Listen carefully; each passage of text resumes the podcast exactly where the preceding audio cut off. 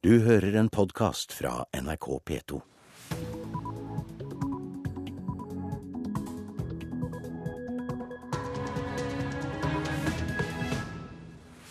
Velkommen til Nyhetsmorgen. Klokka er 6.30. Programleder i dag er Anne Jetlund Hansen, og dette er hovedsaker den neste halvtimen.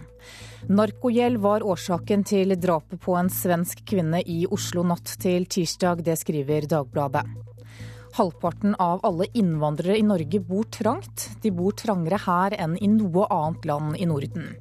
Og en humoristisk bok om Adolf Hitler er Tysklands mest populære roman i øyeblikket. Det skaper reaksjoner.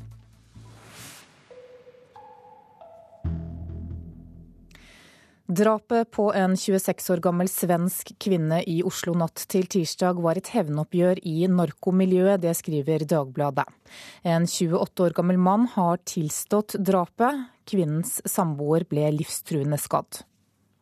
Drapet på kvinna i midten av 20-åra skal ha vært et resultat av en langvarig konflikt mellom mannen som er sikta og kvinna.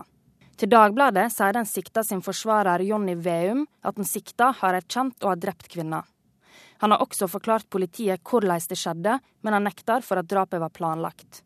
Drapet skjedde natt til tirsdag på Fredensborg i Oslo, og kvinna sin samboer ble hardt skada. Han ligger nå på sykehus og er avhørt av politiet. Ifølge politiet skal drapet på kvinna altså ha vært et hevnoppgjør, og bakgrunnen skal være en konflikt som dreide seg om penger og narkotika. Alle de involverte har tilknytning til det samme narkomiljøet. I tillegg til gjerningsmannen er ytterligere fire personer sikta i saka. Politiet vil ta stilling til i løpet av dagen om også disse skal fremstilles for varetektsfengsling. Og reporter her, det var Adal Heidur Old Eide. To av studentene som ble arrestert i Boston i går, nekter for å ha gjort noe galt. To kasakhstanske statsborgere er siktet for å ha hindret etterforskningen ved å ha kastet den mistenkte 19-åringens ryggsekk. Politiet mener de skal ha visst at den yngste av brødrene jobbet med å lage en bombe, og en amerikansk student ble også i går arrestert og siktet for falsk forklaring. Halvparten av alle innvandrere i Norge bor trangt. Det er en større del av innvandrerbefolkningen enn i noe annet land i Norden. Suleka Aved og tre barn bor på 50 kvadratmeter i en treroms leilighet på Grønland i Oslo, og hun har ikke nok plass til at alle i familien har en seng å sove i. Eh, jeg hadde den eh, dobbeltsengen for. For jeg måtte ta og kaste den en sengen. Fordi det tok hele rom. Det er så vidt plass til et vindu på gutterommet. Dobbeltsenga var det ikke rom til, heller ikke to enkeltsenger. Nå sover Suleka Awads yngste sønn i senga på guttenes rom. Elsesønnen sover på sofaen på stua. Og det er kanskje like greit. Guttenes soverom er så lite at Mohammed ikke får puste ordentlig når han er i det. Egentlig han sover på stua fordi han har astma. Han kan ikke sove her er litt trangt. Om natta her er veldig varmt, han kan ikke. Han må gå på stua fordi det er store dører, så han sover på sofa. Å bo trangt vil si å bo mer enn én person per rom. I Norge bor 8% av befolkninga trangt, men blant innvandrere er tallet langt høyere.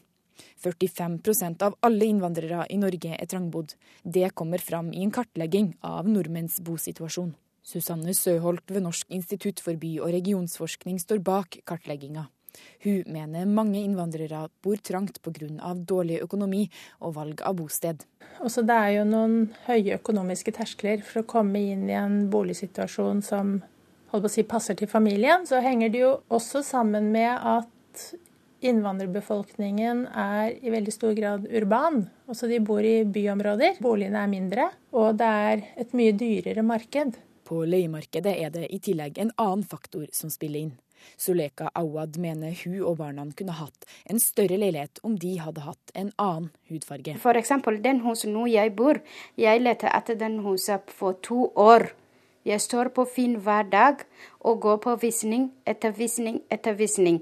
Så til slutt du kjøper eller du leier plass som du kan sove. Du leier ikke eller du kjøper ikke eh, leilighet eller en plass som du er fornøyd med. Oh. Ikke en bok på bordet i leiligheten. Du skulle kanskje trodd det i en leilighet der alle fire går på skole.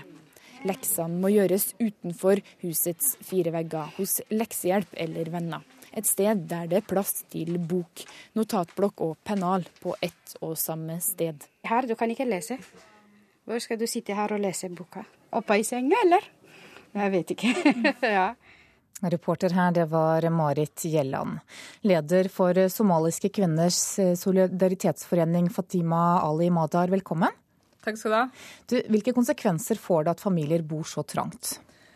Eh, først og fremst så vil jeg mene at det har helsemessige konsekvenser, både psykisk og fysisk. Eh, det går på trivsel, det går på søvn, det går på eh, støy. Og det går på oppbevaringsplass, og det kan være skitten når det er så mange barn i et lite rom.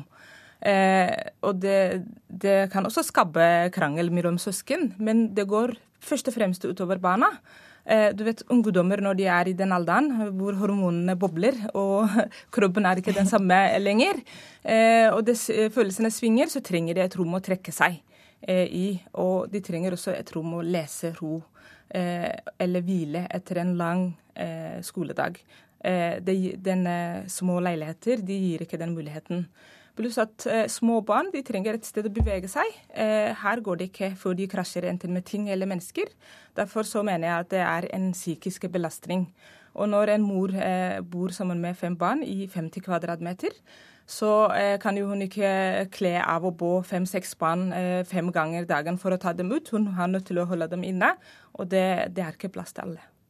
Vi hørte jo litt eh, om det i reportasjen, men hva tror du er årsakene til at innvandrere bor så trangt, og at de bor trangere her enn i resten av Norden? Jeg tror det er en årsakshierarki som også er todelt. Det ene er levekårsspørsmål. Eh, har du dårlig råd, har du ikke eh, valgfrihet. Det er en økonomisk eh, spørsmål, som også den moren var inne på.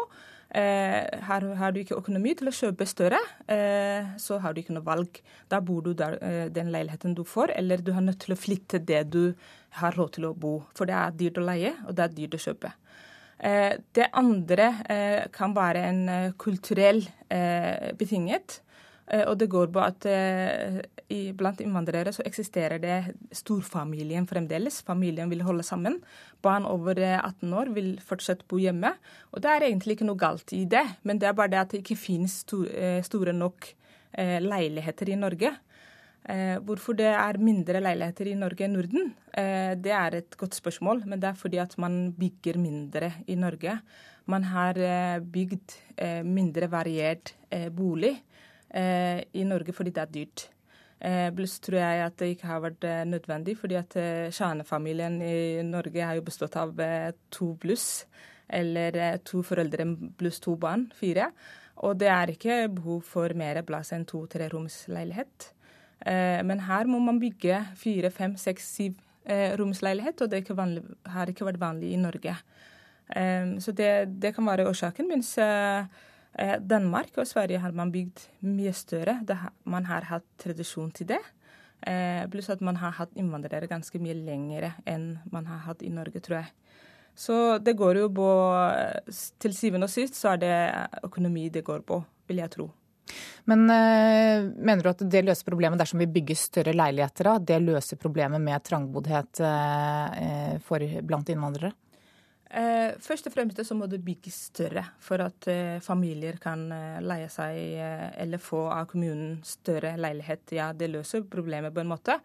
Men det løser jo ikke den økonomiske problematikken i lengden. Fordi at myndighetene og politikerne må på banen og hjelpe folk til å komme i jobb, slik at de har bedre økonomi til å kjøpe seg egne bolig.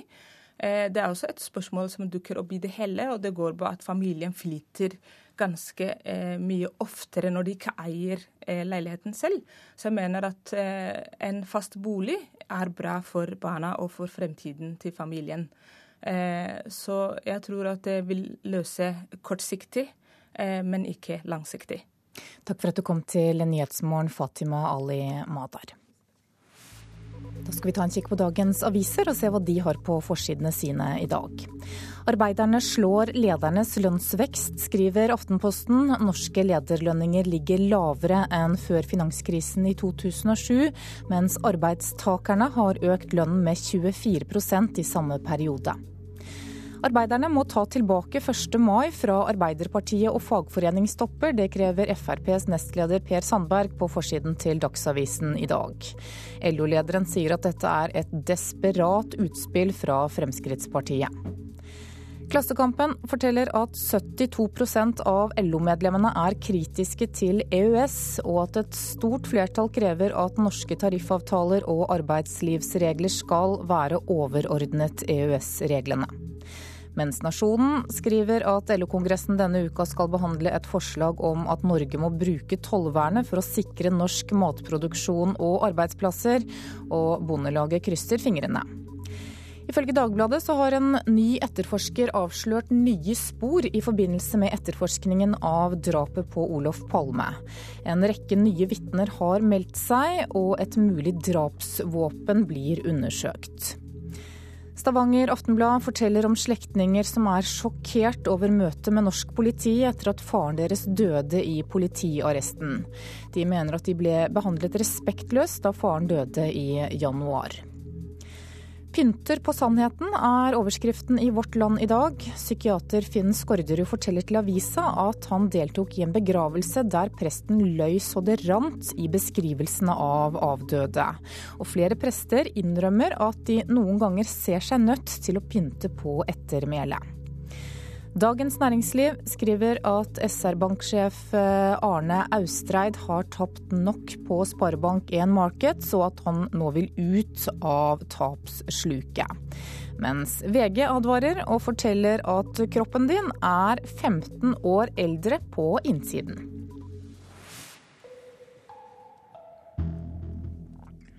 Nå skal vi ha fotball. Andredivisjonslaget Asker slo ut Strømsgodset i andre runde i cupen i går kveld. I tillegg til Strømsgodset så røyk også eliteserielagene Sandnes Ulf og Sarpsborg ut av cupen, mens Hønefoss og Sogndal berget seg så vidt etter straffekonkurranse.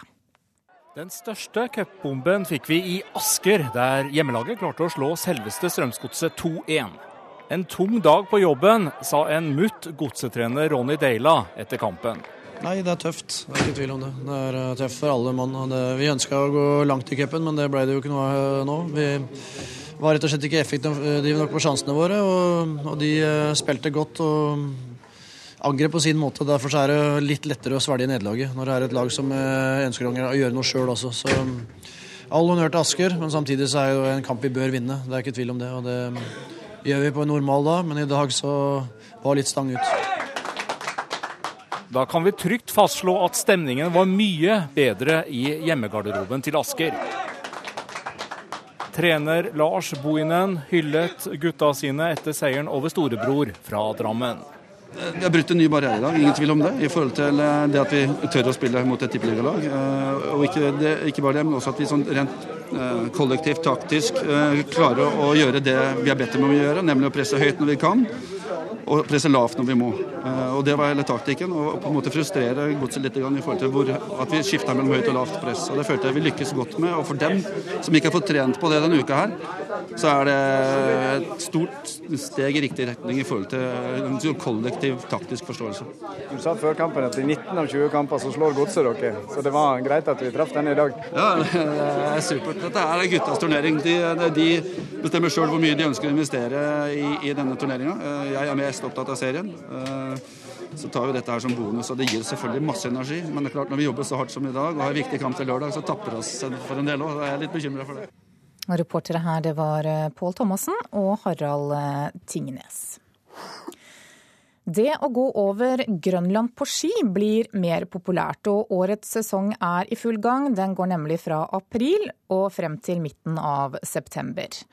Årets sesong fikk en dramatisk start, for på lørdag så omkom en engelskmann i en såkalt piterak. en ekstrem vind som kommer svært brått på. Polfarer Lars Ebbesen, velkommen til Nyhetsmorgen. Takk. Du kjenner jo grønlandsisen godt fra et titalls turer. Hva vet du om det som skjedde forrige helg? Det var en engelsk gruppe, tre engelske gutter, som hadde forberedt seg i mange, mange år. De valgte å starte fra østkysten. De lå værfast en del dager før de ble fløyet inn til startstedet sitt, og hadde gått to korte dager før de fikk beskjed om at det var meldt en pitterakk, som er en ekstremvind, eh, en av de villeste vindene i, i verden. Eh, detaljene er veldig, veldig dårlige med at én eh, døde og to ligger på sykehus. Men det kan tyde på at teltet deres ble blåst i filler, og de ble da eksponert. De to har overlevd. De ba om assistanse eller hjelp ved å trekke nødpæresender, og eh, fly ble sendt og sto i posisjon til været ble så bra, men det tok over, over et døgn før de rakk frem, og da var den ene død. Denne ekspedisjonen gikk som du sa fra øst til vest på Grønland. Er det ekstra krevende? Det er ikke ekstra krevende, men eh, hvorfor man går fra øst til vest på våren, på vårsesongen som april-mai er, det, Eh, det er litt rart fordi eh, slik som Grønlands vær og, eh, og, systemer er, så lønner det seg å gå fra vest til øst på våren og fra øst til vest på høsten. Nansen gikk jo på, på høsten, og han hadde sine grunner til det. Hvorfor engelskmennene ofte velger fra øst til vest uansett årstid, det, det, det må man spørre dem om. Men det er ikke, ikke det lureste. Du, eh, dette med eh, pitterakk, eh, kan ikke du fortelle hvordan arter dette værfenomenet seg? Ja, det er, det er når det er dårlig vær ute i danskestredet øst for Grønland. Og det er det. Danskestredet er kjent for det.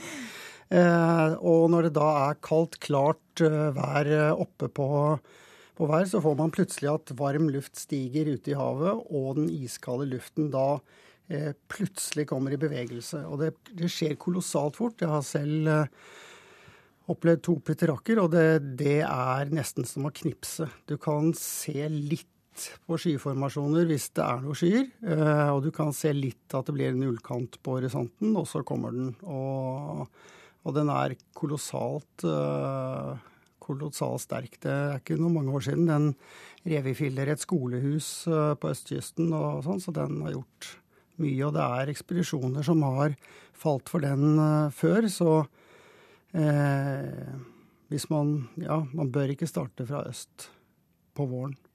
Veldig kort til slutt. Det er jo blitt mer vanlig å gå på ski over Grønland. Er dette kanskje en mer krevende tur enn folk er klar over? Ja, det, det kan virke som folk eh, kanskje det virker som en del har gjort det, at det er fullt mulig. Jeg tror de fleste som går og forbereder seg veldig godt. Eh, det som er viktig på sånne turer, er at hvorfor nordmenn har klart seg så bra. At nordmenn er flinke til å spørre hverandre, eller spørre de som har erfaring. Eh, og vi har en rekke polfarere og en rekke folk med lang erfaring og mye erfaring. Og det er det som har drevet oss fremover helt fra Amundsen og Nansens tid. De var, det var forberedelsene som, som, gjorde at det gikk. Eh, andre land prøver kanskje å finne litt opp hjulet på egen hånd, og det, det, da blir det tyngre. Takk for at du kom til Nyhetsmorgen, polfarer eh, Lars Ebbesen. Du hører på Nyhetsmorgen altså, i P2 og NRK Alltid nyheter. Klokka er 6.48. Dette er hovedsaker i nyhetene i dag. Drapet på en 26 år gammel svensk kvinne i Oslo natt til tirsdag var et hevnoppgjør i et narkotikamiljø, skriver Dagbladet. Halvparten av alle innvandrere i Norge bor trangt, og de bor trangere her enn i noe annet land i Norden. Og mange butikker som ikke er tilknyttet en stor kjede, går med underskudd, ifølge en undersøkelse fra Stavanger.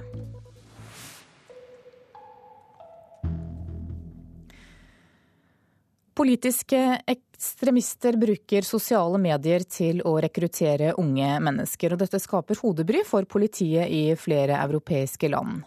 Internett har gjort det lett å spre propaganda, det sier analysesjef Jon Fitje Hoffmann i Politiets sikkerhetstjeneste.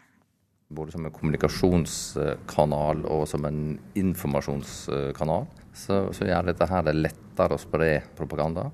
Eh, og lettere for eh, personer som er interessert i å finne den type eh, propaganda.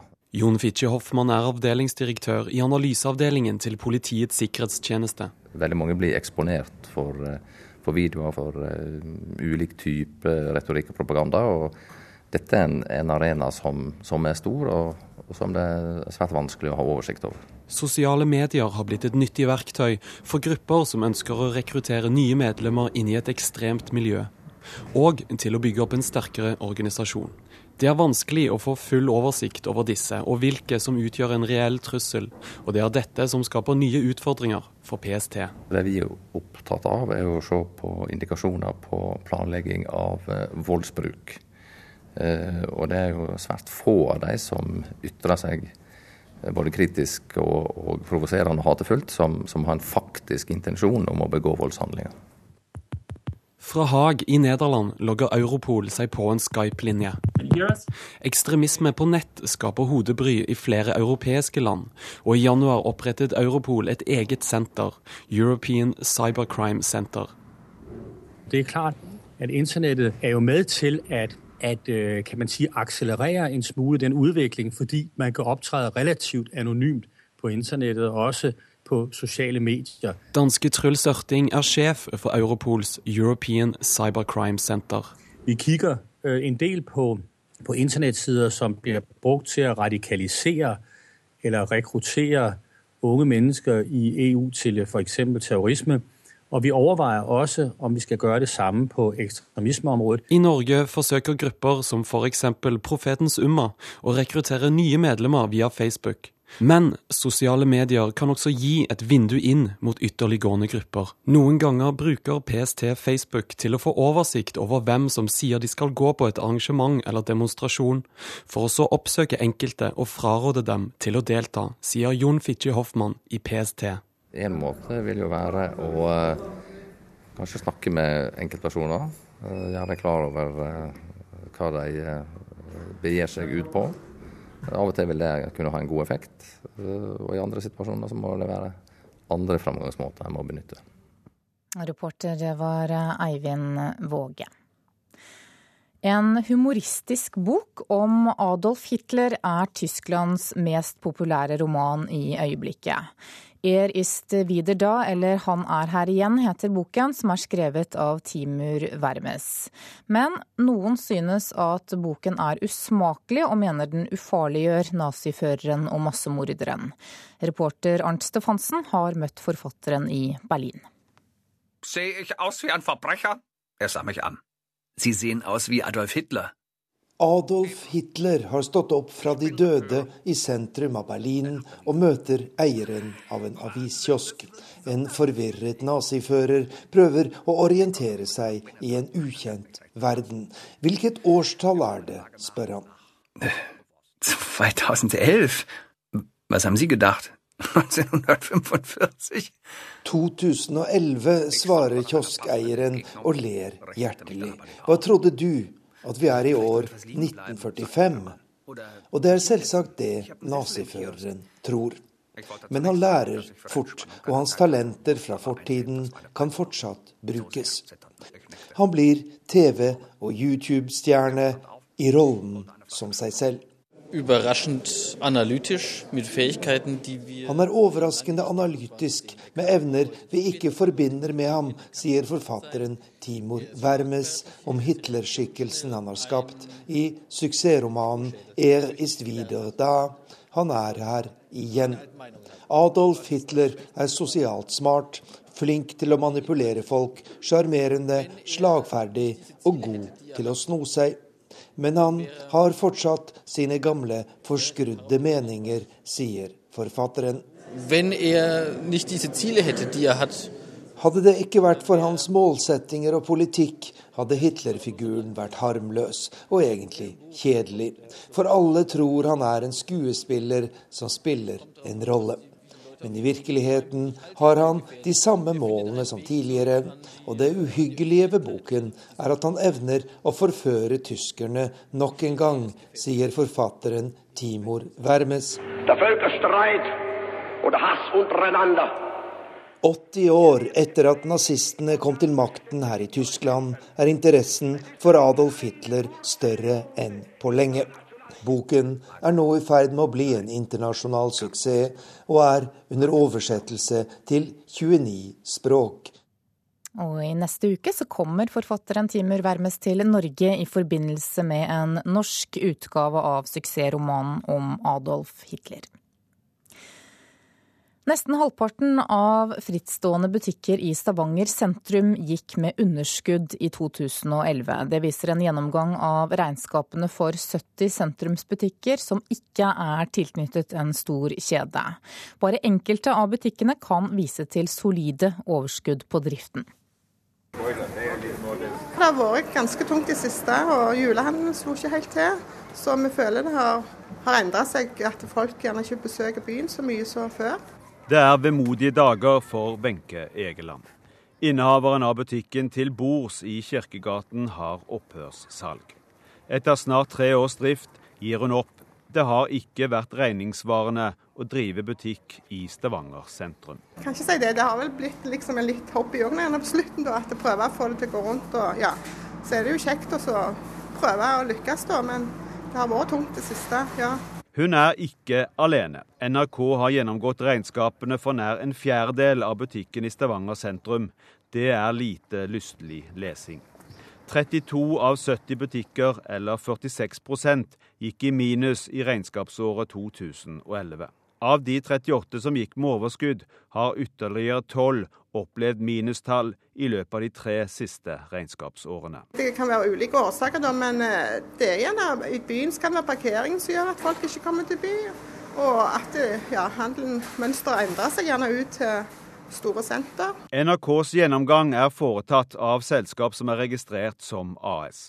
Den omfatter ikke store og små kjedebutikker, det dreier seg om butikker som selger klær, sko, smykker, helseartikler, optiske produkter og andre varer over disk. Bare ti butikker i vårt materiale kan vise til solide overskudd. Nei, aldri. Sier innehaver av Synssenteret, Lasse Tuestad, på spørsmål om han noen gang har vurdert å flytte butikken til et kjøpesenter utenfor sentrum. Først og fremst åpningstider og komfort. I tillegg så er det ganske kostbart i disse sentrene å være med. Det å beholde de ansatte, har de i mange år, det gjør best for omsetningen. Og hvis du skal oppe til åtte hver dag, tolv enkelte dager og søndag i tillegg, og hele desember til, til, til 20, det, det, det går ikke. Vi klarer ikke å beholde de gode folkene. Optikeren er en av få i vår undersøkelse som kan vise til millionoverskudd gjennom flere år. I motsetning til mange andre har også Tuestad tro på framtiden for handelen i sentrum. Mangfoldet er jo viktig. Det, det, ser vi jo. Det må vi ha. Men vi må ha mye sånne nisjebutikker som vi skal ha i Stavanger sentrum. Så spesialiserer spesialisere seg på én ting, men er gode, ekstremt gode på de tingene. Det tror jeg er viktig. Reporter var Ståle Frafjord. Da skal vi se på et værvarsel som gjelder til midnatt. Fjellet i Sør-Norge vestlig stiv kuling, minkende først i sør. Snøbyger vesentlig i vestlige og nordlige områder og perioder med sol. Østafjells stort sett opphold og til dels pent vær. Rogaland enkelte regnbyger, snøbyger i fjellet og ellers til dels pent vær. Hordaland og Sogn og Fjordane kan vente seg liten kuling ved Stad. Regnbyger, snøbyger i indre og høyereliggende strøk, og stort sett oppholdsvær. Møre og Romsdal sørvestlig liten storm på kysten. I formiddag full storm i nord. I ettermiddag minkende til liten kuling i sør, om kvelden også i nord. Sluddbyger og snøbyger, til dels regnbyger i lavlandet. Trøndelag sørvestlig liten storm. Fra i formiddag kan hende full storm. I kveld noe minkende. Regnbyger, snøbyger i indre og høyereliggende strøk. Helgeland og Saltfjellet sørlig stiv kuling på kysten. Regn fra i ettermiddag, forbigående rolige vindforhold, men i kveld vestlig liten storm i sør, og det er også ventet regnbyger. Salten, Ofoten, Lofoten og Vesterålen litt regn av og til, og sludd i grensetraktene. I Troms er det ventet delvis skyet oppholdsvær i dag. Finnmark kan vente seg spredte regnbyger eller sluddbyger og perioder med sol. Og på Nordensjøland på Spitsbergen er det ventet spredt snø og etter hvert litt sol i dag. Så tar vi med temperaturene som ble målt klokka fem. Da hadde Svalbard lufthavn minus fire grader, Kirkenes pluss én. Vardø tre, Alta og Tromsø hadde null. Bodø fem, Brønnøysund og Trondheim hadde også fem. Molde to, Bergen-Flesland tre, Stavanger fire. Kristiansand 3, Gardermoen 1, Lillehammer 2, Røros minus 1 og på Oslo-Blindern så var det to plussgrader da klokka var fem i dag morges.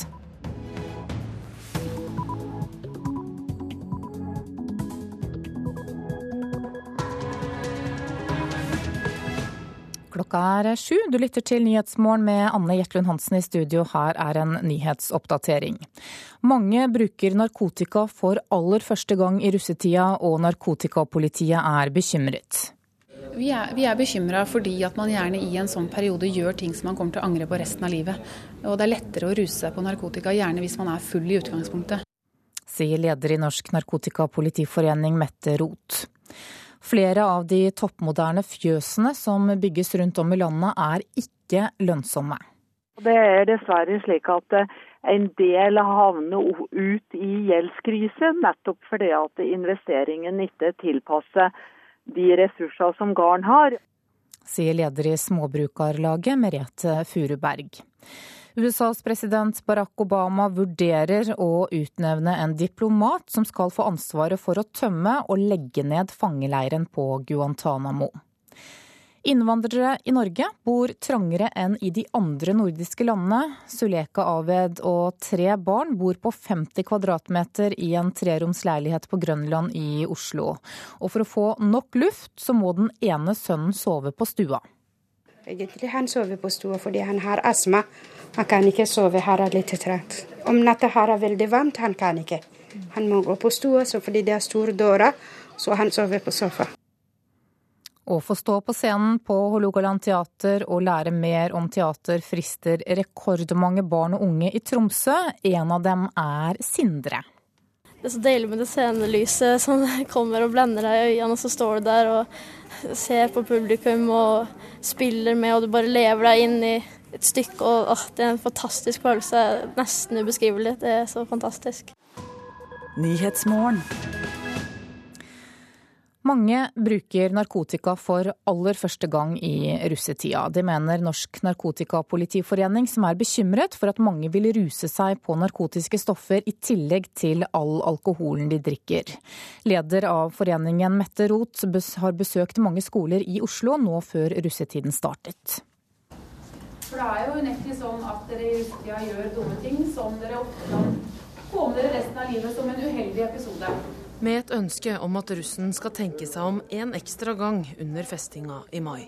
Det er jo fordi at vi ønsker at det skal gå bra med dere i russetida, uten at politiet blir for mye innblanda. Leder i Norsk Narkotikapolitiforening, Mette Roth, står foran en uryddig samling av elever og pulter i klasserommet på Sogn videregående skole i Oslo, og fortelle hva de ikke bør finne på. Hvis du blir anmeldt, så, eh, og på en måte den går over i at du For Rot frykter nettopp at denne tiden med hard festing fram til 17. mai er en tid hvor mange gjør det de ellers ikke ville gjort. Ja, jeg tror også det gjerne kan være det. For det ser vi også. Vi kan sammenligne litt med disse festivalene som gjerne er på sommerstid.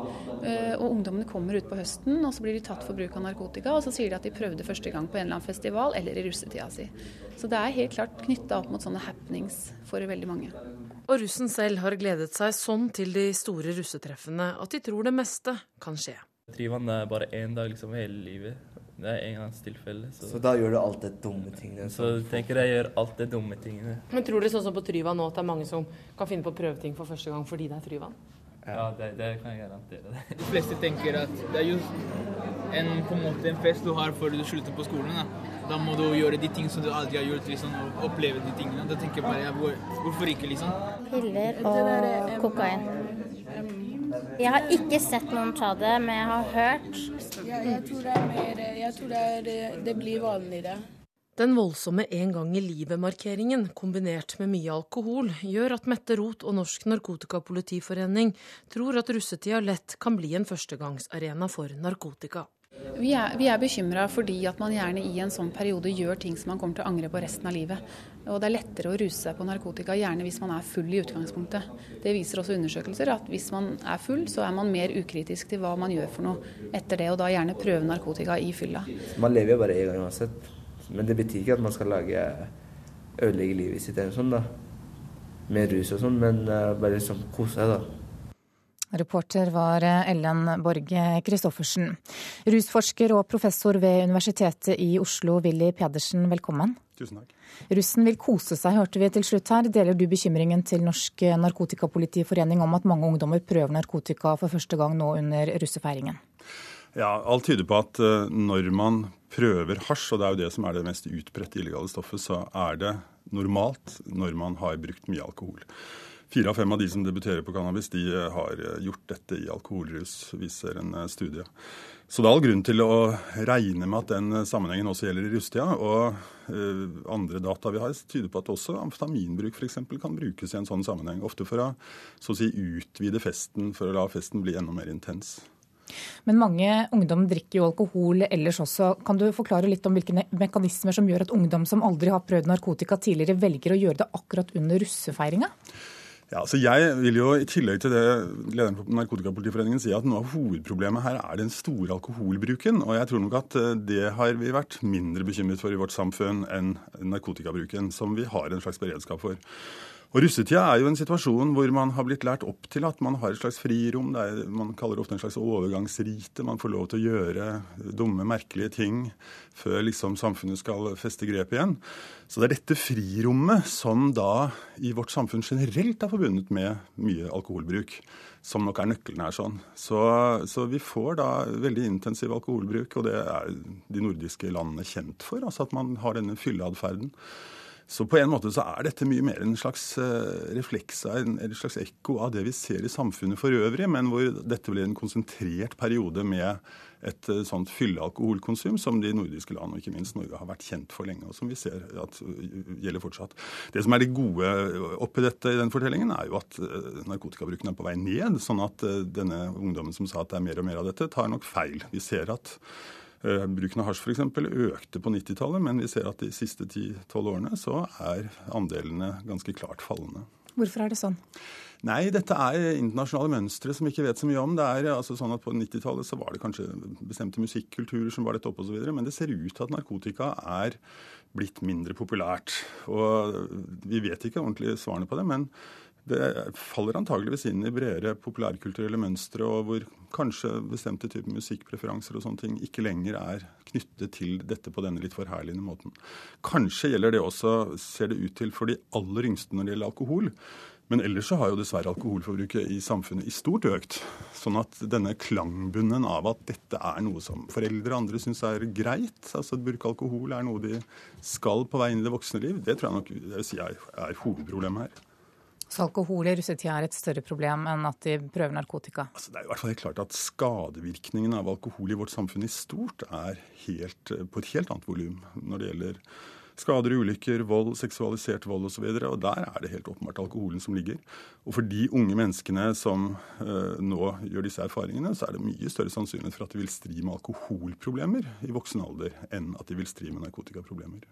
Takk for at du kom til Nyhetsmorgen, eh, rusforsker og professor Willy Pedersen. Da skal vi høre at eh, flere av de toppmoderne fjøsene som bygges rundt om i Distrikts-Norge er ulønnsomme. Mange av investeringene er direkte feilslåtte, det sier leder i Småbrukarlaget Merete Furuberg. Og nå ber bondeorganisasjonene om økte tilskudd, tilskudd til nye investeringer. Et nytt, moderne og stort fjøs er den jevne melkebondens våte drøm. Innovasjon Norge har vært med å dele ut milliarder i støtte til nye fjøs, og det er stordrift de har belønnet. Men for mange har lønnsomheten blitt dårligere. Det har vært flere feilslåtte investeringer. Sier leder i Småbrukarlaget Merete Furuberg. Det er dessverre slik at en del havner ut i gjeldskrise, nettopp fordi at investeringen ikke tilpasser de ressurser som gården har. På Tines årsmøte i forrige uke møtte NRK Leif Ove Sørby, melkebonde fra Øvre Eiker, som har investert i et nytt, moderne fjøs. Jeg har investert ca. 10 millioner kroner. Men du har økt produksjonen din. Har du økt lønnsomheten? Jeg har ikke gjort opp noen fullstendig regnskap etter at jeg har dobla produksjon, så det veit jeg ikke nok om ennå. Men likviditeten tyder på at det går forholdsvis greit. Det ser lovende ut for bonden fra Buskerud. Men mange gårder har fått dårligere lønnsomhet etter utvidelse og modernisering stimulert av offentlige penger. Men noen god oversikt finnes ikke. Innovasjon Norge så i 2011 på åtte store melkebruk i Nordland. Trass i offentlig støtte til å utvide driften og økning i diverse statlige tilskudd, gikk lønnsomheten på gårdene ned. På mange steder i Norge så finnes det ikke såkalte stordriftsfordeler. Det rasjonelle og effektive det er at en investerer sett i forhold til de ressursene en har på eiendommen, og ikke overinvesterer. Per Skorge, generalsekretær i Norges Bondelag, er forsiktig med sin kritikk av dagens tilskuddsregime. Men også han sier det er på tide å prioritere mindre bruk. Hovedproblemet er at det har vært for få investeringer, og så har vi investeringer som, som eh, vi nok skulle sett at, eh, hadde vært, at man hadde tatt enda mer hensyn til hvordan jorda og jordveien ser ut for å unngå den, de store transportavstandene. Bondeorganisasjonene ber om 8 milliarder kroner over fem år til nye investeringer. Landbrukspolitisk talsmann i Høyre, Svein Flåtten, mener man først bør gjøre en grundig analyse av hvor det er lønnsomt å bruke nye investeringsmilliarder fra staten.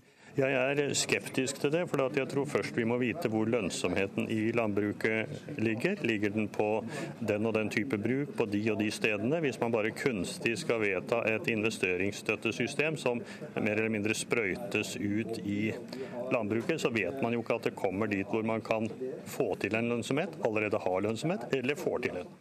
Reporter her, det var eh, Line Tomter. Sven Arne Lie, du er forfatter, statsviter og tidligere landbruksforsker. Velkommen til Nyhetsmorgen. Takk for det. Du, eh, hvorfor bruker vi så mye på å bygge opp store fjøs her i Norge? Altså, det er en eh, veldig sterk tru på stordriftsfordeler hos de som sitter og forvalter landbrukspolitikken vår. Og det gjør at de har en veldig ensretting av midler, der man har på forhånd nesten bestemt seg for at lønnsomhet eh, henger sammen med størrelse, og det er ikke riktig. Hva som er riktig, da? Det riktige er vanskelig å si, fordi det er stor variasjon. Eh, men eh, istedenfor å fokusere så mye på størrelse, så bør man i mye større grad fokusere på Eh, de lokale ressursene, altså tilgangen til areal og tilgangen til arbeidskraft. Det er det som er det sentrale i, i, i matproduksjonen, ikke størrelsen. Ja, vi hører her at eh, flere bønder havner i gjeldskrise fordi investeringene ikke er tilpasset de ressursene som gården har. Men hvem har ansvaret for det? Det er, det er, jo et veldig delt ansvar, altså, men må få med systemet her. Altså, den norske gjennomsnittsbonden har en arbeidsinntekt på 180 000 kroner. Han mottar mer i tilskudd fra staten enn han har i, arbeidsinntekt. Så det er i eh, all hovedsak så er det sånn at eh, tilskuddstilpasning er det som egentlig definerer inntektsmulighetene til bonden. Og vi har et, eh, en landbrukspolitikk i dag eh, der bøndene må tilpasse seg tilskudd. Og på veien til å tilpasse seg tilskudd så, er, så ligger det eh, drivere i hele systemet som gjør at de bygger større og større og større. Så det er, eh, jeg mener at det er landbrukspolitikken som er eh, hovedproblemet her. Hva den enkelte bonde gjør til enhver tid. Eh, det er jo òg en vurdering som bonden må ta, men her, her er det et system som virkelig drar utviklinga bort fra det som burde være fokusområdet når du skal produsere mat. Som er? Det er å bruke de ressursene vi har tilgjengelig. Eh, til å produsere den maten vi har naturgitte forutsetninger for å produsere. Ja, hva er gjort da fra myndighetenes side for å finne ut hvilke investeringer som gir best effekt for å styrke matproduksjonen her?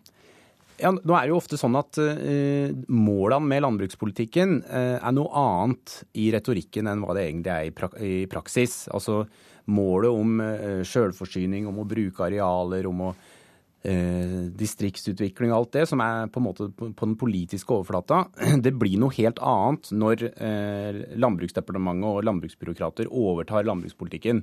Der i gården så er det kun ett mål som gjelder, og det er å ha færrest mulig bønder til å produsere mest mulig mat. Så Sånn sett så kan du si at svaret på spørsmålet ditt er egentlig hvorvidt man er, har ulike mål med offentlige pengebruken i landbrukspolitikken.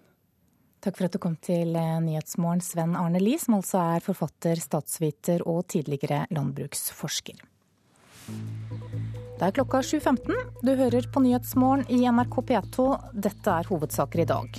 Politiet er bekymret for at russen vil ruse seg på narkotika i russetida. Rusforsker og professor Willy Pedersen er mer bekymret for alkoholen de drikker.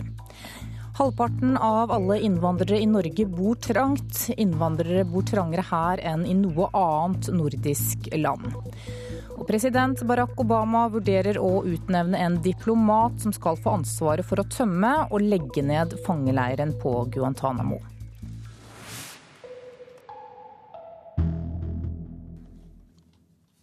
I dag så er det to år siden den beryktede Al Qaida-lederen Osama bin Laden ble drept. Han mistet livet da amerikanske styrker tok seg inn i komplekset i Pakistan der han gjemte seg. Og en lettet president Barack Obama kunngjorde nyheten i en fjernsynstale til det amerikanske folk. Tonight, I can report to the American people and to the world that the United States has conducted an operation Osama bin Laden, the leader of Al Qaeda. Den ni minutter lange fjernsynstalen markerte slutten på en intens menneskejakt som hadde pågått i nesten ti år. Al Qaida ble raskt utpekt som ansvarlig for terrorangrepene mot USA 11.9.2001, hvor nær 3000 mennesker ble drept. Da hadde Osama bin Laden allerede stått på listen over USAs mest ettersøkte mennesker for sin rolle i bombeangrepene mot de amerikanske ambassadene i Tanzania og Kenya tre år tidligere men det var angrepene i 2001 som fikk president George Bush til å bruke begrepet krig mot terror, en retorikk hans etterfølger Obama sluttet seg til ti år senere. So we went to war against Al Qaeda to protect our citizens, our friends and our allies. Reporter var Arild Svalbjørg. Christian Berg Harpviken, direktør ved Institutt for fredsforskning, velkommen. Takk. Vi gikk til krig mot Al Qaida for å beskytte oss og våre venner og allierte, sa altså Obama for to år siden. Ehm, hva syns du, har det vært en vellykket krig? Det er vanskelig fra dagens perspektiv å si at dette har vært uh, vellykket. Når det gjelder akkurat Al Qaida, så er det stor uenighet. Eh, men at Al Qaida i dag fortsatt har en betydelig slagkraft, og at det har det i en eh, organisasjonsform som faktisk er mye vanskeligere å, å, gjøre tiltak mot enn den formen det hadde i 2001, det synes for meg ganske opplagt. Men det som kanskje er enda alvorligere som en konsekvens av krigen mot terror, det er jo situasjonen i Midtøsten. Eh, vi har nå krig i Syria, vi har en situasjon i eh, Irak som på ingen måte er forlystelig. Vi kan også nevne Afghanistan i forlengelsen av det. Og det er klart at hvis, eh, hvis, eh, vi får den verst tenkelige utvikling i Midtøsten, så kommer dette til å være en region som vil være preget av omfattende borgerkriger og kanskje regionale kriger i både år og tiår framover. Det er et potensielt utkomme av krigen mot terror, som nok også Obama burde, men ikke ønsker, å ta inn over seg. Tilbake til Al Qaida. Hva har drapet på bin Laden gjort med organisasjonen? Det er klart at eh, drapet på bin Laden var et eh, tap for eh, Al Qaida. Og det er ikke bare bin Laden, det er også veldig mange av de andre topplederne som har blitt eliminert i krigen mot terror. Samtidig så ser vi altså at Al Qaida har evnet å omforme seg. I veldig stor grad så er Al Qaida nå representert gjennom små, relativt løsrevne tiltak rundt om i verden. Al Qaidas utbredelse i dag geografisk er jo faktisk mye større enn den var i 2001. Og vi skal heller ikke glemme at vi har en del av den typen eh, handlinger som vi så i Boston nylig. Altså folk som antagelig i større grad er inspirert av Al Qaida enn de direkte er instruert og satt opp av Al Qaida. Har noen klart å ta bin Ladens eh, plass? Nei, det er det ingen som har klart. Al-Sawahiri, som nå er organisasjonens leder, spiller jo en viktig rolle. og F.eks. så var hans uh, nylige video sammen med lederen for Al Shabaab i Somalia sett på som en slags uh, godkjenning av uh, Al Shabaab. Al-Sawahiri har nok vært en mer sentral ideologisk leder på mange måter enn hva bin Laden noensinne var. Men det er klart at den enorme status og den karisma som bin Laden hadde, den klarer ikke Al-Sawahiri å ta til seg. Mange av dem som er blitt eh, pågrepet mistenkt for terror, sitter fengslet på Guantánamo-basen på Cuba.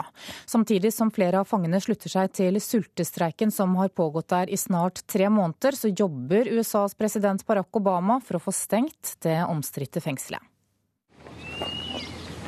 Fuglekvitter kan høres på utsida av Guantánamo-basen på Cuba, men bak høye gjerder og piggtråd sultestreiker store deler av fangene i protest mot at de holdes fengsla uten lov og dom på ubestemt tid. Sultestreiken er nå inne i sin tolvte uke, og over 100 av de 166 innsatte nekter å ta til seg føde.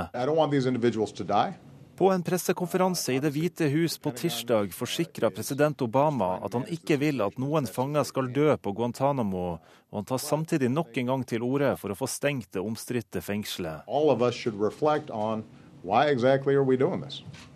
De første fangene kom til leiren i 2002, og amerikanske myndigheter bruker hundrevis av millioner kroner årlig på å drifte basen. Guantánamo Guantánamo er dyrt, lite effektivt og skader USAs omdømme internasjonalt, sier Obama, som allerede i 2008 lovte å stenge leiren. Nå vil han gjøre et nytt forsøk. It needs to be closed. Reporter var eh, Ole Marius eh, Rørstad. Tilbake til deg, Christian Berg Harpviken. Hvorfor greier ikke Obama å stenge denne basen? Nei, Det er vel først og fremst to grunner til det. og Det ene er at eh, Obamas relativt store utenrikspolitiske ambisjoner da han gikk på som president i, i 2009, de ble ganske fort parkert fordi han måtte takle en omfattende finanskrise. Han var ikke villig til å bruke politisk kapital på den utenrikspolitiske arenaen, og det ser vi både i Midtøsten i forhold til Guantánamo og veldig mange andre steder. Det andre er jo at han fikk et republikansk flertall i Kongressen som har hindret ham å gjøre noe som helst konstruktivt i forhold til Guantánamo. Og Obama vurderer nå å utnevne en diplomat som skal få ansvaret for å tømme denne leiren. Hvorfor velger han et slikt grep? Nei, Det er jo et forsøk på å eh, gi fornyet energi til dette. Men det er klart at for veldig mange i eh, USA i dag så lyder det litt hult når Obama refererer til sine valgkampløfter og sier at nå skal han endelig gjøre det han har lovt. For hvis Obama virkelig hadde ønsket å gjøre noe, så hadde han hatt muligheten til det. F.eks. så er rundt halvparten av fangene på Guantánamo, inklusive mange av de som sultestreiker, fanger som i realiteten er frikjent, og som dermed kunne løslates. Men eh, det har eh, Obama ikke vært villig til å ta risikoen på, bl.a. fordi at en av de tidligere løslatte fangene ble involvert i et terrorangrep. Og sjansen på at det skal skje igjen, det er man ikke villig til å ta, på tross av at dette altså er folk som sitter der, og har sittet der, noen av de over ti år, uten lov, dom eller på noen som helst måte bevis om at de har vært eh, involvert i straffbare handlinger. Og det er klart, til sjuende og sist så handler dette om at terroristene fikk rett. De klarte å angripe det verdisystemet som USA står for, og USA gjorde seg selv til skamme ved å gjøre kål på sine egne verdier. Det er det brutale alvoret i dette. Takk for at du kom til Nyhetsmorgen, Christian Berg Harpviken. Da skal vi ta en kikk på dagens aviser og se hva de har på forsidene sine i dag. Arbeiderne slår ledernes lønnsvekst, det skriver Aftenposten. Norske lederlønninger ligger fortsatt lavere enn før finanskrisen i 2007, mens arbeidstakerne har økt lønnen med 24% i samme periode. Arbeiderne må ta tilbake 1. mai fra Arbeiderpartiet og fagforeningstopper. Det krever Fremskrittspartiets nestleder Per Sandberg på forsiden til Dagsavisen i dag. LO-lederen sier at dette er et desperat utspill fra Frp. Klassekampen forteller at 72% av LO-medlemmene er kritiske til EØS, og at et stort flertall krever at norske tariffavtaler og arbeidslivsregler skal være overordnet EØS-reglene.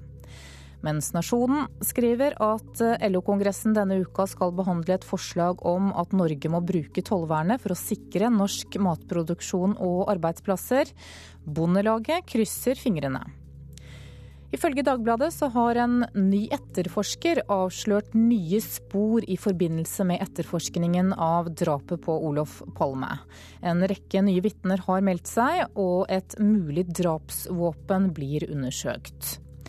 Stavanger Aftenblad forteller om slektninger som er sjokkert over møtet med norsk politi etter at faren deres døde i politiarresten.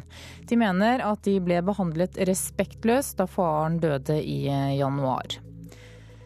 Pynter på sannheten, det er overskriften i Vårt Land i dag. Psykiater Finn Skårderud forteller til avisa at han deltok i en begravelse der presten løy så det rant i beskrivelsene av avdøde.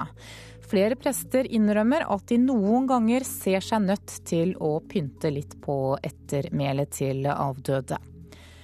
Dagens Næringsliv skriver at SR-banksjef Arne Austreid har tapt nok på Sparebank1 Markets, og at han nå vil ut av tapssluket. Mens VG advarer og forteller at kroppen din er 15 år eldre på innsiden.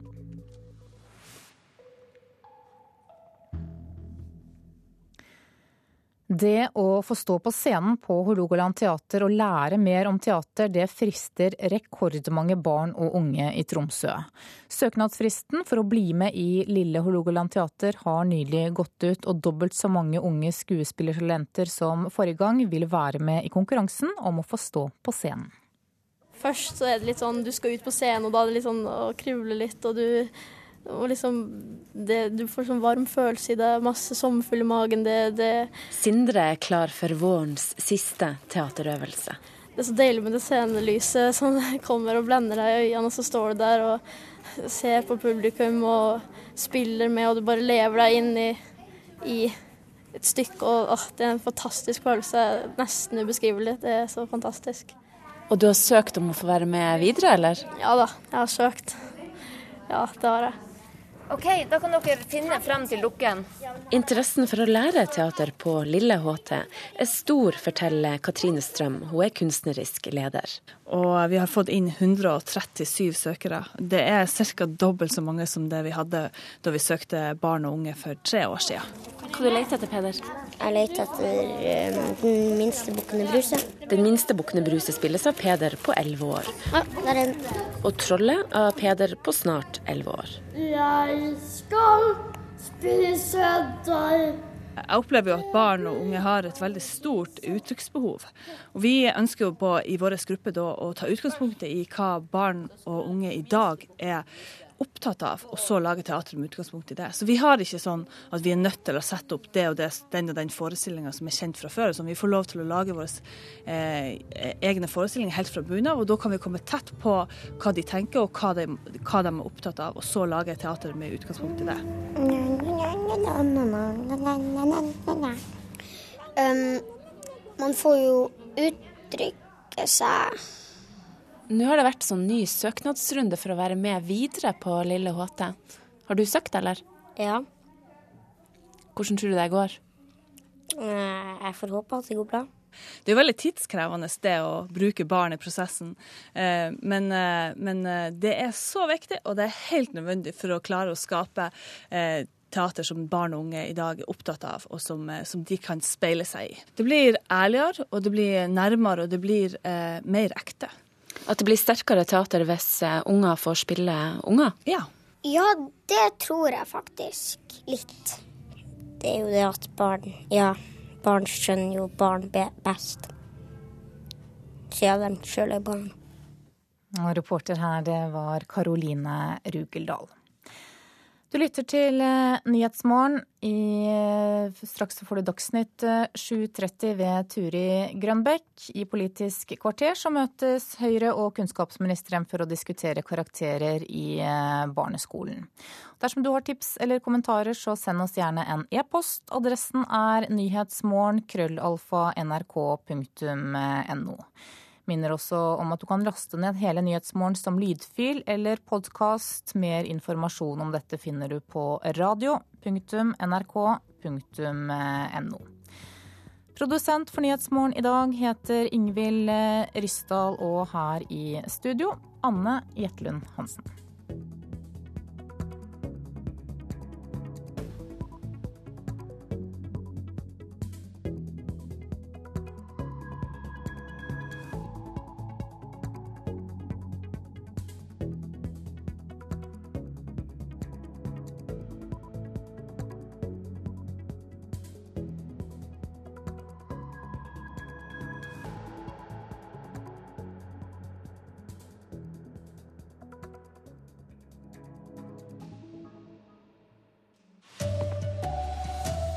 Mange unge prøver narkotika for første gang når de er russ. Mistenkte etter terrorangrepet i Boston nekter for å ha gjort noe galt. Og mange norske bønder tjener mindre penger med nye fjøs og moderne maskiner. Riktig god morgen, her er NRK Dagsnytt klokken 7.30. Mange unge bruker narkotika for aller første gang i russetiden. Det sier Norsk Narkotikapolitiforening. De er bekymret for narkotikabruken, i tillegg til all alkohol som inntas. Leder av foreningen, Mette Roth, har besøkt mange Oslo-skoler før russetiden startet. For det er jo unektelig sånn at dere i russetida gjør dumme ting som dere ofte med et ønske om at russen skal tenke seg om en ekstra gang under festinga i mai. Leder i Norsk Narkotikapolitiforening, Mette Roth, står foran en uryddig samling av elever og pulter i klasserommet på Sogn videregående skole i Oslo, og forteller hva de ikke bør finne på. Hvis du blir anmeldt, så, øh, og på en måte den går over i at du får For Roth frykter nettopp at denne tiden med hard festing fram til 17. mai er en tid hvor mange gjør det de ellers ikke ville gjort. Ja, jeg tror også det gjerne kan være det. For det ser vi også. Vi kan sammenligne litt med disse festivalene som gjerne er på sommerstid. Eh, og ungdommene kommer ut på høsten, og så blir de tatt for bruk av narkotika. Og så sier de at de prøvde første gang på en eller annen festival eller i russetida si. Så det er helt klart knytta opp mot sånne happenings for veldig mange. Og russen selv har gledet seg sånn til de store russetreffene at de tror det meste kan skje. Driver han bare én dag liksom hele livet. Det er engangstilfelle. Så. så da gjør du alt det dumme tingene? Så du tenker jeg gjør alt det dumme tingene. En periode hvor det skjer bare én gang i livet, da. Piller og kokain. Jeg har ikke sett noen ta det, men jeg har hørt. Den voldsomme en gang i livet-markeringen, kombinert med mye alkohol, gjør at Mette Roth og Norsk Narkotikapolitiforening tror at russetida lett kan bli en førstegangsarena for narkotika. Vi er, vi er bekymra fordi at man gjerne i en sånn periode gjør ting som man kommer til å angre på resten av livet. Og det er lettere å ruse seg på narkotika, gjerne hvis man er full i utgangspunktet. Man lever jo bare én gang uansett. Men det betyr ikke at man skal lage ødelegge livet sitt eller sånn, da. Reporter her, det var Erl Borge Christoffersen. Willy Pedersen, du er rusforsker og professor ved Universitetet i Oslo. Hva tror du er årsaken til at mange unge velger å narkodebutere når de er russ? Altså I dag så er eh, det riktig at eh, fire av fem eh, debuterer med hasj, som er det vanligste illegale rusmiddelet, når de har, først har drukket alkohol.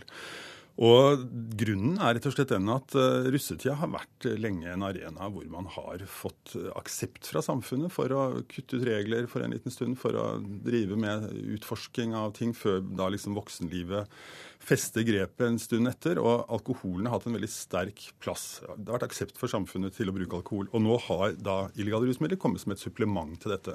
Så det er en kontinuitet fra det vi er godt kjent med fra lang tid tilbake men som da innebærer at du også får dette illegale elementet inn. Hva slags eh, illegale elementer er det snakk om?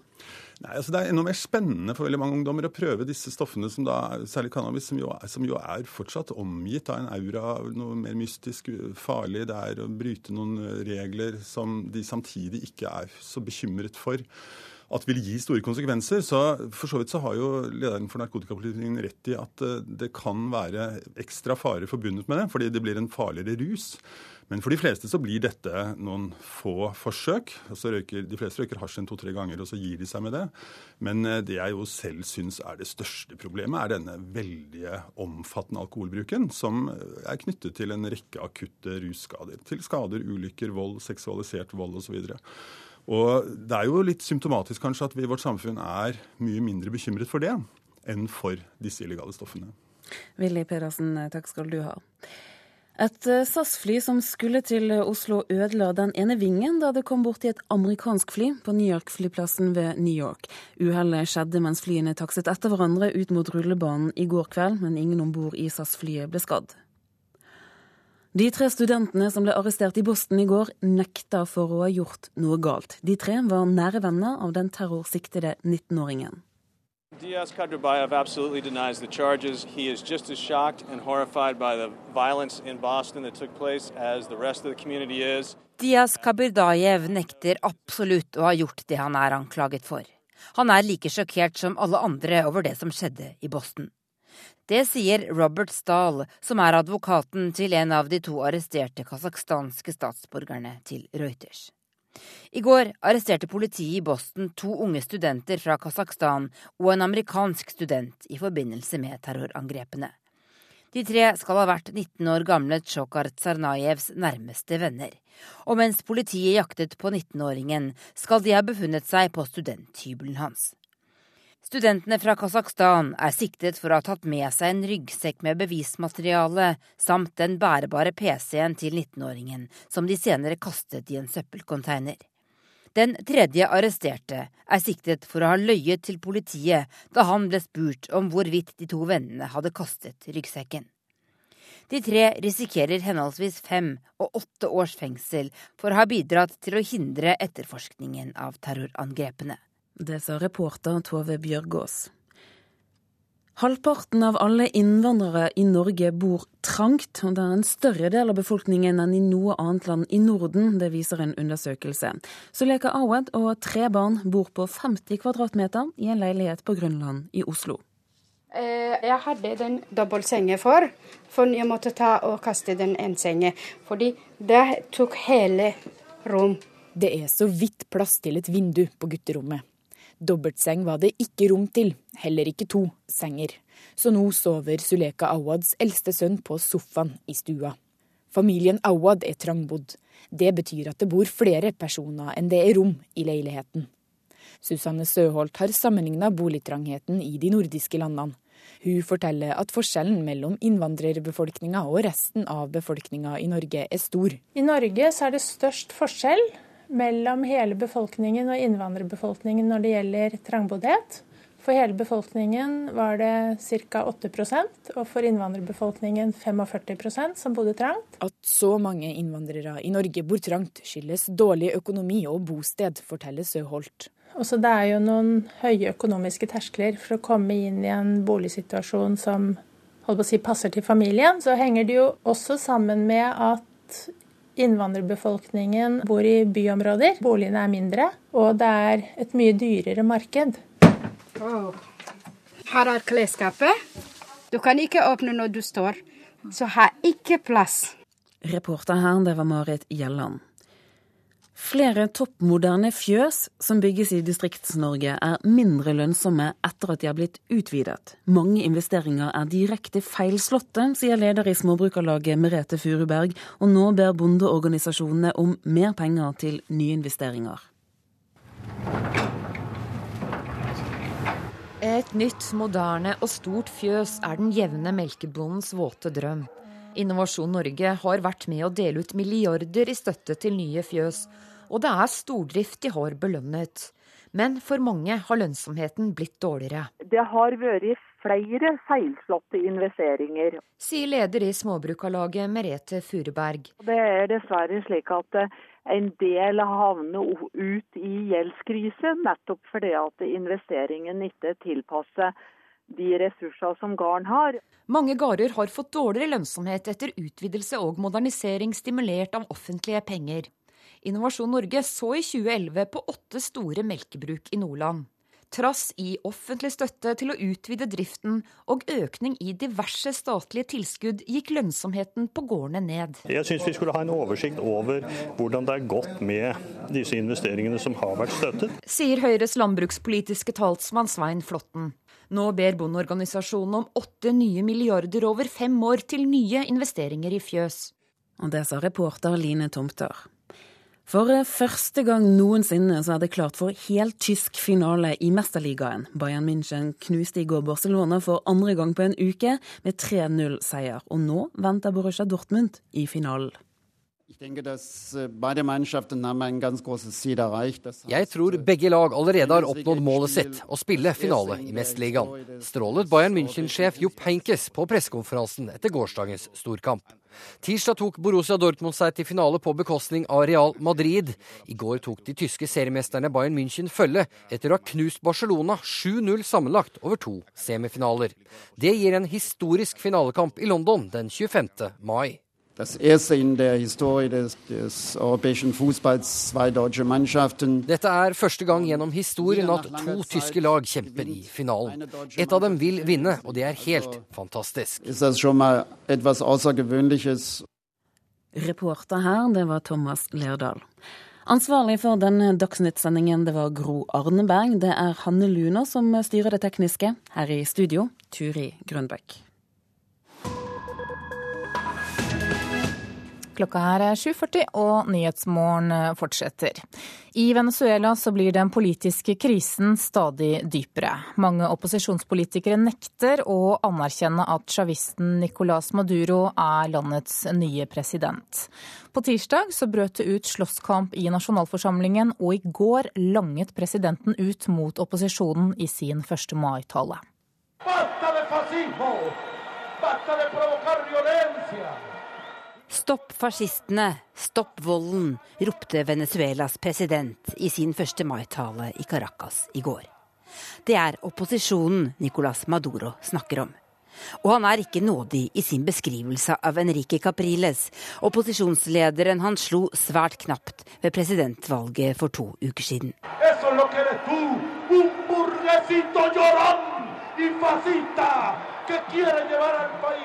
Du er den største fascisten av dem alle.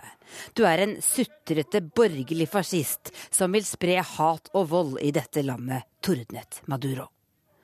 Den politiske situasjonen i det oljerike landet i Sør-Amerika blir stadig mer spent. Opposisjonen mener Maduro slett ikke vant valget 14.4, der han slo Capriles med fattige 1,5 prosentpoeng. Landets valgkommisjon sier den har gjennomgått de elektroniske stemmene, men opposisjonen mener det slett ikke er gjort. Capriles vil i dag levere inn en formell klage til landets høyeste rett på valgresultatet.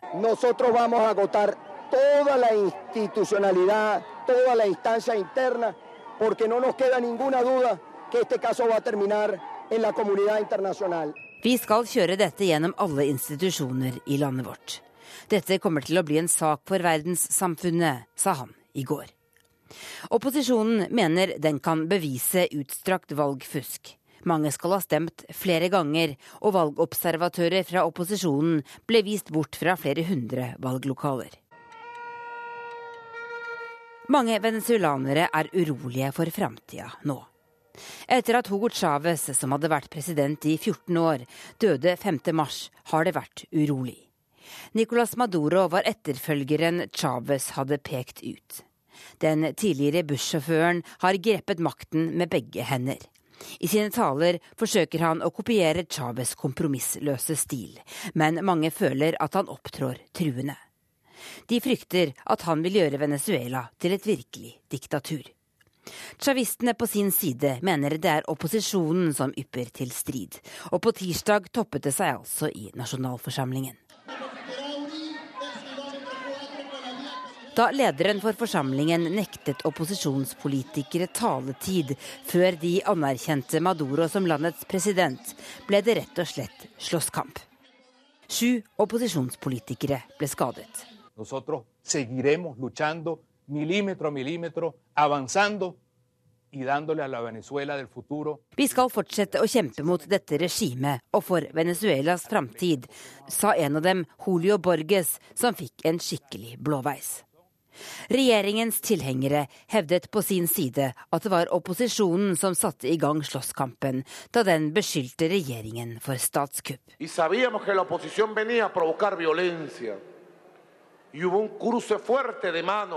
Vi vet at opposisjonen provoserte fram denne volden, sa president Maduro etter bråket. Og i går, på arbeidernes dag, fortsatte han altså å lange ut mot sine politiske motstandere. Det rike og viktige landet i Sør-Amerika virker nå mer splittet enn det noen gang var i de 14 årene Chávez var president. Hva som vil skje videre nå, tør få å spå om. Det sa utenriksmedarbeider Tove Bjørgaas. Du hører på Nyhetsmorgen. Dette er hovedsakene våre. Fire av fem tar narkotika første gang i fylla, sier rusforsker. Narkotikapolitiet er bekymret for de unge i russetida. De tre studentene som ble pågrepet i Boston i går, nekter for å ha gjort noe galt. Og topp moderne fjøs lønner seg ikke. Mange bønder tjener mindre penger med nye fjøs og moderne maskiner.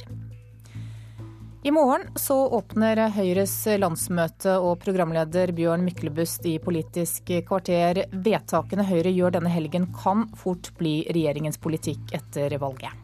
F.eks. karakterer på barneskolen. Høyre må bare bli enig med seg selv først.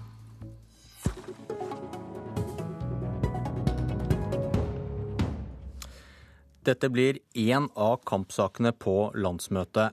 Enten så blir det forsøk med karakterer på femte trinn, og opp til kommunene selv om de vil ha det.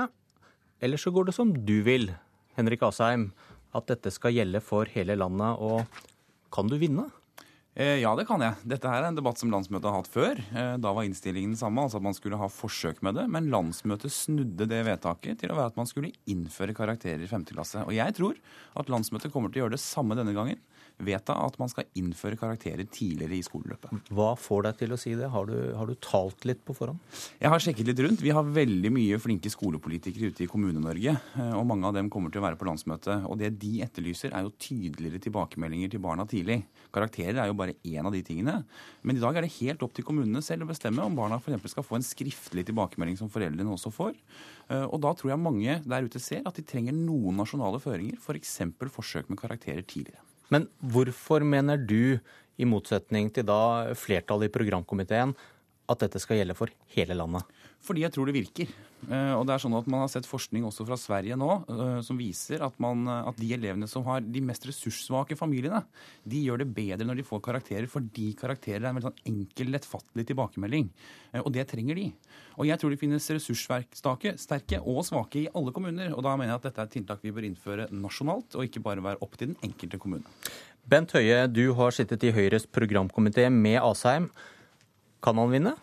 Ja, det kan han. Så dette blir en spennende debatt på landsmøtet. Så det som jo er flertallet i programkomiteens anbefaling til landsmøtet, er at vi åpner opp for at dette kan eh, prøves ut i de kommunene som, eh, som ønsker det. Og Jeg ser for meg at det er kommuner som eh, f.eks. Oslo og andre, som har jobba veldig systematisk med tilbakemeldinger til elevene, og som ser dette som et, et riktig, riktig, neste steg. Og så vil vi jo høste erfaringer for det ut ifra en norsk, eh, norsk, situasjon, og ikke bare basere oss på erfaringer fra andre land. For jeg er enig med Henrik i at erfaring både fra Finland og Sverige kan eh, tilsi at dette er lurt, men da tror jeg kanskje det er fornuftig å rykke litt eh, sakte fram. Prøve det ut der som det er en lokal eh, entusiasme for dette, og høste erfaringer derfra først, før han eventuelt sier at dette nå skal gjelde hele landet. Ja, Hva er nedsiden hvis man gjør som eh, Asheim vil og innfører dette i hele landet med en gang?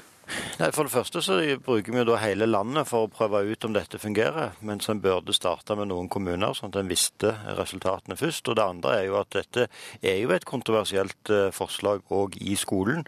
Og jeg mener at det gjerne er dumt å bruke tid og ressurser på å presse dette nedover de skolene der en ikke ønsker dette eh, i hele landet, før en eventuelt har gode nok dokumentasjon fra Norge på at dette faktisk gir gode resultater, og dermed òg gjerne slippe den motstanden som en vil møte hvis en prøver å gjøre dette som et landsomfattende tiltak. Men Jeg tror at, altså jeg er enig med Bent Høie at vi skal ikke ture fram ute i kommunene og tvinge på dem det ene etter det andre. Eksempel tror jeg vi skal være en regjering hvis vi vinner valget som er mer åpen for forsøk på mange områder. Men når det gjelder tilbakemelding tidligere, så er det nå så mye som tyder på at de svakeste elevene tjener på å få en tydelig tilbakemelding tidligere. Og da mener jeg at det blir for dumt at det skal avgjøres uh, ut fra flertallet i kommunestyret. Altså Det kan hende at en elev da har karakterer i ett år, og så er det kommunevalg, og så mister eleven karakterene. Og Det blir for uryddig i skolen. Altså Noen føringer må vi ha nasjonalt. Og dette er det jeg mener er en av de tingene som en ny borgerlig regjering bør innføre. Men vi vet ikke hvordan dette virker, sier Høie. Jo, men vi gjør det. fordi Det som man gjorde i Sverige, var at man hadde det forsøket som Høie egentlig foreslår. Der hadde man forskjellig praksis i kommunene på 70-tallet. Og så var det noen forskere der som nå så på hvordan gikk det med de elevene. Og det man så, det var at de elevene som hadde ressurssvake hjem, de hadde en større tendens til å gå videre på gymnas og på høyere utdanning hvis de fikk karakterer. Mens de som kom fra på en måte øvre middelklassen, hadde ressurssterke foreldre, ja, de hadde ikke så mye effekt av de karakterene.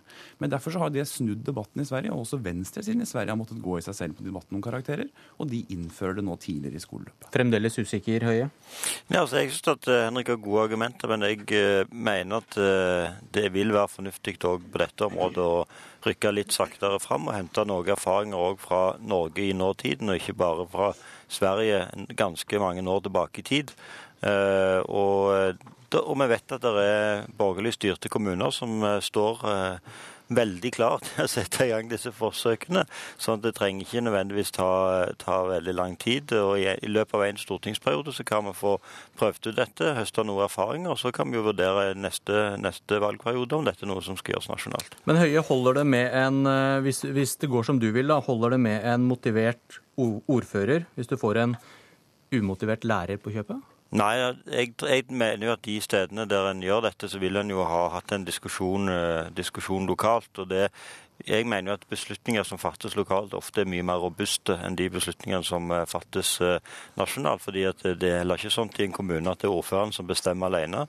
Men, men åtte av ti lærere er imot, viser i hvert fall tall fra Utdanningsforbundet. og må lærerne være positive for at en kommune skal kunne innføre dette? Nei, En får klom ikke til å få med alle lærerne på å si at dette gjør dette vil vi, men med å forankre det lokalt så tror jeg iallfall at en vil få en mye bedre diskusjon eh, direkte om hvordan dette skal, skal gjøres. Og Så viser jo de tallene òg at, eh, at, det å gjøre dette nasjonalt vil eh, skape mye frustrasjon blant de som er viktigst i skolen utenom eleven, nemlig lærerne. Og, eh, og det syns jeg er unødvendig når vi kan ta et, eh, en eh, vei rundt og prøve dette ut, før en eventuelt kjører det ut i hele landet. og Da vil jo òg lærerne som har vært inne i disse forsøkene, kunne dele sine erfaringer med sine kolleger. og Da vil kanskje de tallene se annerledes ut. Vi har en til som har sittet og hørt på dere, men Asheim først. Åtte av ti lærere svarer altså at de ikke vil ha dette. Mm. Hva tror du skjer da, hvis det går som du vil? Jeg lurer litt på hvordan man har stilt det spørsmålet. For det er ikke sånn at vi sier at nå skal vi innføre karakterer for 5. klasse, og det er tilbakemeldingen barna skal få.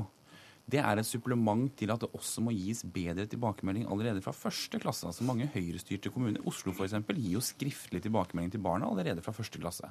Men et, en karakter, og det er det undersøkelsen i Sverige viser, er jo et supplement til den tilbakemeldingen, som er en tydeligere måte å gi tilbakemelding på. Og for de som har ambisiøse foreldre hjemme som pusher på uansett, så er ikke det så viktig.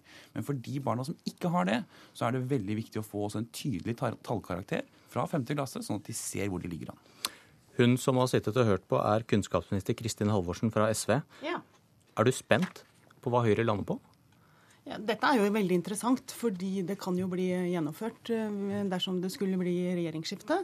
Det er jo helt riktig, dette er jo ikke noe som Skole-Norge ønsker seg, av flere grunner. For det første fordi det tar mye tid fra lærerne å sette rettferdige karakterer. For det andre fordi vi har norsk forskning og andre holdepunkter for å si at en tallkarakter til så små barn, tiåringer, det kan forstyrre tilbakemeldingene istedenfor å forbedre tilbakemeldingene. Og norsk skole er nå inne i en veldig god utvikling. Vi har veldig gode resultater å vise til på internasjonale uh, tester, og det er bl.a. fordi vi har jobba veldig systematisk med vurdering for læring. Det er tilbakemelding til elevene med hva er det du skal jobbe for å lære bedre. Eh, hvordan skal du gjøre det? Eh, og ikke eh, tallkarakterer til de eh, yngste. Eh, det er ingen grunn til at vi skal se til Sverige i denne sammenhengen. Svenske skoleresultater går nedover.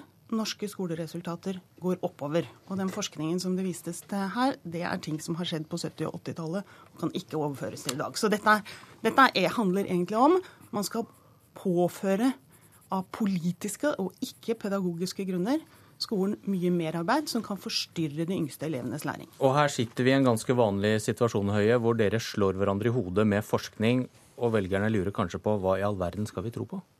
Ja, altså Forskningen eh, er jo, som Henrik også viste, viser jo dette der det har blitt gjort uh, forsøk. og Det er ikke noe som bare kan avskrive, det er jo noe som vi bør uh, se til. Men så mener jeg da at dette òg bør prøves ut i, i enkeltkommuner i Norge der en ønsker dette.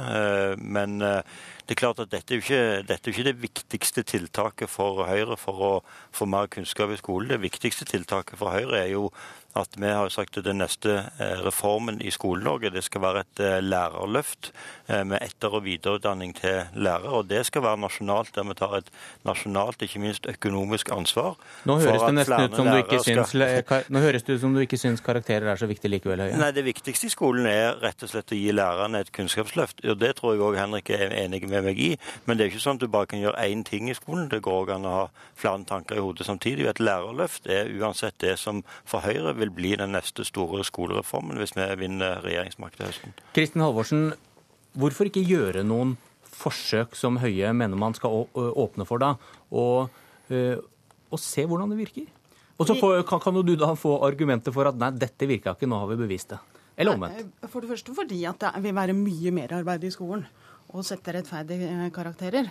For det andre fordi at vi ikke har noen holdepunkter for at det faktisk skulle fremme læring og gi tallkarakterer til de minste barna. Og det er fordi vi har et annet system som det nå er jobba veldig systematisk med. Vurdering for læring, som gir elevene gode tilbakemeldinger på hva det er de skal strekke seg videre etter, hva det er de eh, oppfyller læringsmålene på, og hvordan de skal eh, jobbe for å få det til. Og jeg forundres veldig over Høyre. Fordi at på den ene siden så sier de som oss at læreren er det viktigste. Gode lærere er det viktigste suksesskriteriet for skolen, og det er helt riktig. Derfor har vi ny lærerutdanning, vi har etter- og videreutdanning. Vi satser mye nettopp på å utvikle lærernes eh, kompetanse, også med skolebasert eh, satsing. Men å høre på lærerne, det vil ikke Høyre. Dette er jo bare ett eksempel av mange der Høyre av politiske og ikke pedagogiske grunner trer masse merarbeid nedover ørene på Skole-Norge. Nå har vi mye spetakkel rundt eh, et lite faglig eh, basert system for anonym retting rundt omkring i en del kommuner, der kommunestyret over huet på lærerne bare har innført masse merarbeid som ikke gir elevene særlig god informasjon heller. Og her får vi et nytt eksempel der Høyre ønsker å innføre mye merarbeid i skolen som det ikke finnes noen god faglig begrunnelse for, og der skolen heller burde konsentrere seg om nettopp å jobbe med vurdering for læring, fordi det er det som gir elevene innsikt. Alsheim. Altså For det første så er det sånn at det er litt pussig å høre på kunnskapsministeren. For det som liksom er fæl høyrepolitikk når barna er 12, det er hun for i alle fag når barna blir 13. Og Problemet i dag er jo at veldig mange elever ikke får karakter i noen fag. Faktisk så får med Kristin Halvorsens politikk ikke engang læreren lov til å fortelle barna hva de ville fått i karakter før de begynner på ungdomsskolen. Og så begynner de der, og da får de karakter i alle fag. Det blir et sjokk for mange elever og for mange eh, eh, foreldre. Men så er det andre at, at mye går bra i norsk skole, men noe vi vet om norsk skole, det er at den ikke bare reproduserer, men forsterker sosiale forskjeller mellom elevene. Og noe av det som forskningen i Sverige har vist, det er jo nettopp at det utjevner den forskjellen. Fordi de barna med ressurssvake familier gjør det bedre. Og det er en med karakterer? Som, med karakterer enn uten karakterer. Og det er en forskning som kunnskapsministeren må interessere seg for. Og det er altså sånn at når man har gjort dette her i Sverige, så har det jo påvist at nettopp de som sliter hjemme, får bedre karakterer, får, eh, går videre i skoleløpet. Og det bør vi i norsk skole interessere oss for. Det Alsheim burde gjøre, det er å oppdatere seg på hva som er utvikling i svensk skole. Der øker forskjellene mellom elevene mellom skoler, og det er sterkere sammenheng mellom sosial bakgrunn og elevenes prestasjoner. Altså foreldrenes utdanningsnivå og elevenes prestasjoner på skolen. Og disse eh, tallene som Asheim viser til når det gjelder karakterer, det er altså ting som henger tilbake fra 70-80-tallet. Det er ikke eh, relevant. Og det som, men, det men, som forskere det, er, det er vel ganske vanlig med karakterer i land som gjerne skårer bedre enn Norge på disse internasjonale undersøkelsene som du Det er helt riktig at mange land har andre tradisjoner for dette eh, enn oss.